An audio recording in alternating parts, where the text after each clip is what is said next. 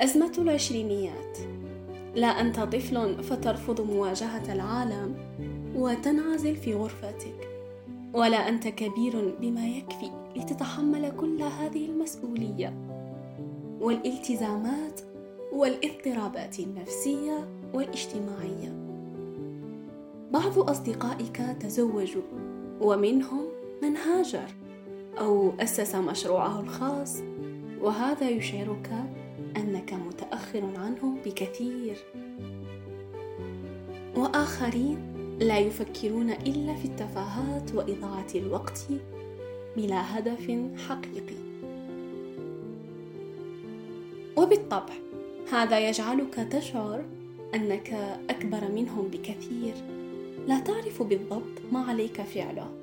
الأيام تمر بسرعة مذهلة لكنك لا تشعر بها. كل يوم.